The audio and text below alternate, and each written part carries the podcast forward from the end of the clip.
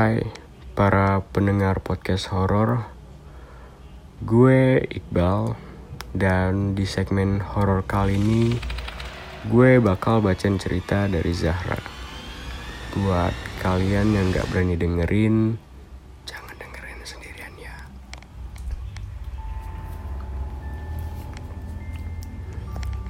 Jadi awalnya tuh dari dapur.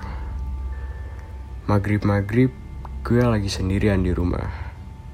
Gue tinggal sama kedua orang tua gue. Adik gue dan nenek kakek gue. Bokap gue kerja. Nyokap gue jemput adik gue di tempat bimbelnya.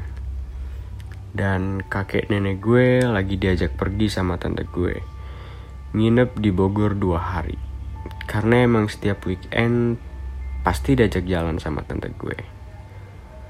Waktu itu posisinya gue lagi di ruang tamu, main HP sendirian. Sendirian banget. Dan set letak rumah gue dari ruang tamu tuh bisa ngeliat ke dapur gitu.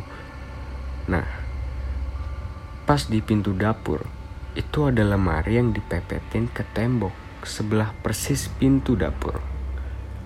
Gue lagi asik sendirian scroll TikTok. Gue ngerasa lihat dari mata gue kayak ada yang melongo ke arah gue berkali-kali gitu. Awalnya sih gue masih nggak sadar banget kalau ada yang melongokin gue dari lemari dapur. Karena gue bener-bener lagi asik sama TikTok. Padahal tuh gue kayak sadar nggak sadar kalau gue tuh ada yang ngelongoin. Dan itu bener-bener jelas banget. Gue lihat sosok itu. Ciri-cirinya tuh kayak hitam doang, kayak bayangan tapi tinggi dan botak. Setelah beberapa kali dia melongo dan gue udah bener-bener sadar kalau ada yang ngelongoin. Atau kalau dipersenin gue udah sadar 100%. Kalau gue dilongoin. Bahkan gue nengok dan dia masih ngelongoin. Kayak eye contact tapi gue nggak lihat matanya. Dan itu gue nggak ada rasa takut sama sekali. Malah gue penasaran, itu apa? Karena sama sekali nggak kepikiran kalau itu sesosok. Setelah kejadian itu, gue gak ngerasa ada yang menakutkan. Tapi gue selalu seakan-akan sadar gak sadar kalau ada yang gak beres. Beberapa kali gue ngerasa ada yang ngeliatin, tapi gue sadar gak sadar ngerasanya. Jadi ya gue biasa aja. Gak ngerasa takut atau gimana. Biasa aja. Sampai suatu siang menjelang sore. Lagi-lagi gue sendirian. Nyokap gue pergi study tour dari sekolah adik gue. Dan seperti biasa, nenek kakek gue selalu diajak liburan sama tante gue. Dan tiba-tiba, gue kayak pengen aja gitu ngundang teman-teman gue ke rumah tanpa ada rasa takut atau kesepian atau apalah. Sekitar setengah jaman, teman-teman gue datang. Dua cowok dan tiga cewek. Mereka langsung gue ajak ngobrol di kamar, karena gue emang lagi PW di kamar. Kita ngobrol ngangong-ngangong, ngalor ngidul, ketawa-ketawa, cerita-cerita sampai ngakak. Bahkan teman gue yang satu, sampai ngompol-ngompol. Dia kayak lari gitu, sprint ke kamar mandi sambil bungkuk-bungkuk megangin perutnya. Kita berempat yang udah ketawa terbahak-bahak sama pembicaraan.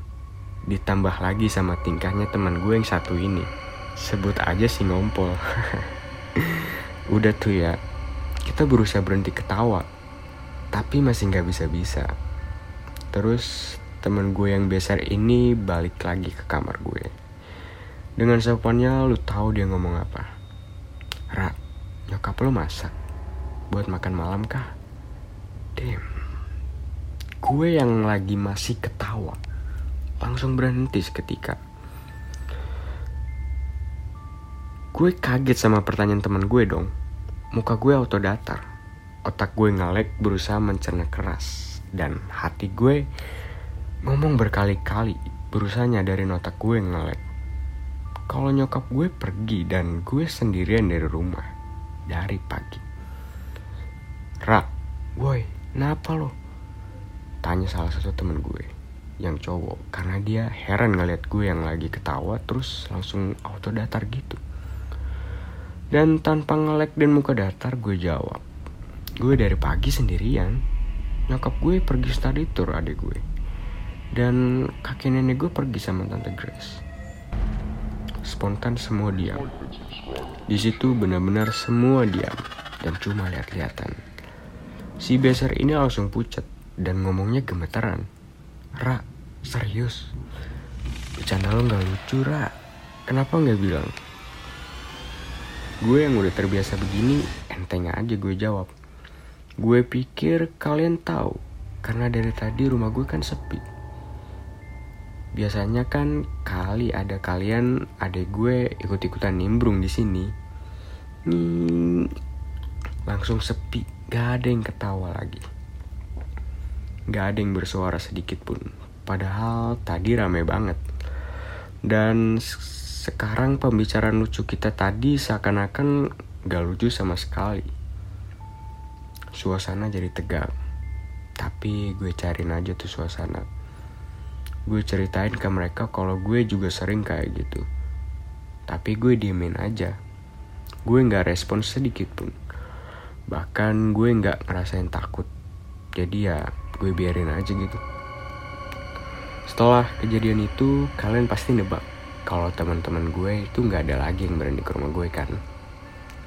Kalau kalian berpikir seperti itu, kalian salah banget guys. Malah makin rame teman-teman gue yang datang. Bahkan sampai nginep. Ditambah lagi keluarga gue pindah ke rumah yang baru. Dibeli di deket sekolah di gue. Buh, makin kayak base camp. Sebenarnya rumah itu mau disewain, tapi teman-teman gue sepakat mau nyewa rumah itu dijadiin base camp aja. Dan nanti bayar sewanya kita patungan. Nyokap gue setuju dan ya jadilah base camp kita. Tapi dengan keadaan yang seramai itu gak dipungkiri sedikit pun kalau mereka gak ganggu lagi. Mereka tetap ganggu. Bahkan kalau gue dan teman-teman gue lagi ngumpul, sering jadi teman main kita. Kita bahkan bikin setan kayak gak ada harga dirinya tidak berpikir setanan banget kita ya dan waktu itu pernah teman-teman gue ngumpul di rumah itu tanpa gue sekitar kurang lebih dua mingguan gue nggak ke rumah itu. Karena gue ada job kerjaan syuting iklan di Jogja. Dan pas gue ke sana lagi teman-teman gue heboh ceritain kejadian-kejadian di rumah itu. Selama gue nggak ada. Seram-seram lucu sih. Tapi sejauh ini sekitar dua setengah tahunan lah rumah itu jadi base camp kita. Gak ada kejadian paling parah sih. Selain banting pintu sampai kaca jendela retak. Mungkin belum ada kali ya, lebih tepatnya. Duh, amit-amit ah. Cukup banting pintu sampai kaca jendela retak aja deh. Jangan ada yang lebih parah lagi. Oke guys, sekian cerita dari gue next kalau ada cerita-cerita berlanjut pasti gue apa lagi see you guys nah itu tadi cerita dari Zahra ya dan ya oke okay, segitu aja cerita yang gue bacain. Jangan lupa buat dengerin Berinsa terus ya. Kalau kalian ada cerita horor romance atau random lainnya kalian bisa DM di Instagram kita. OSIS SMK BW2 sampai bertemu di segmen horor selanjutnya ya. See you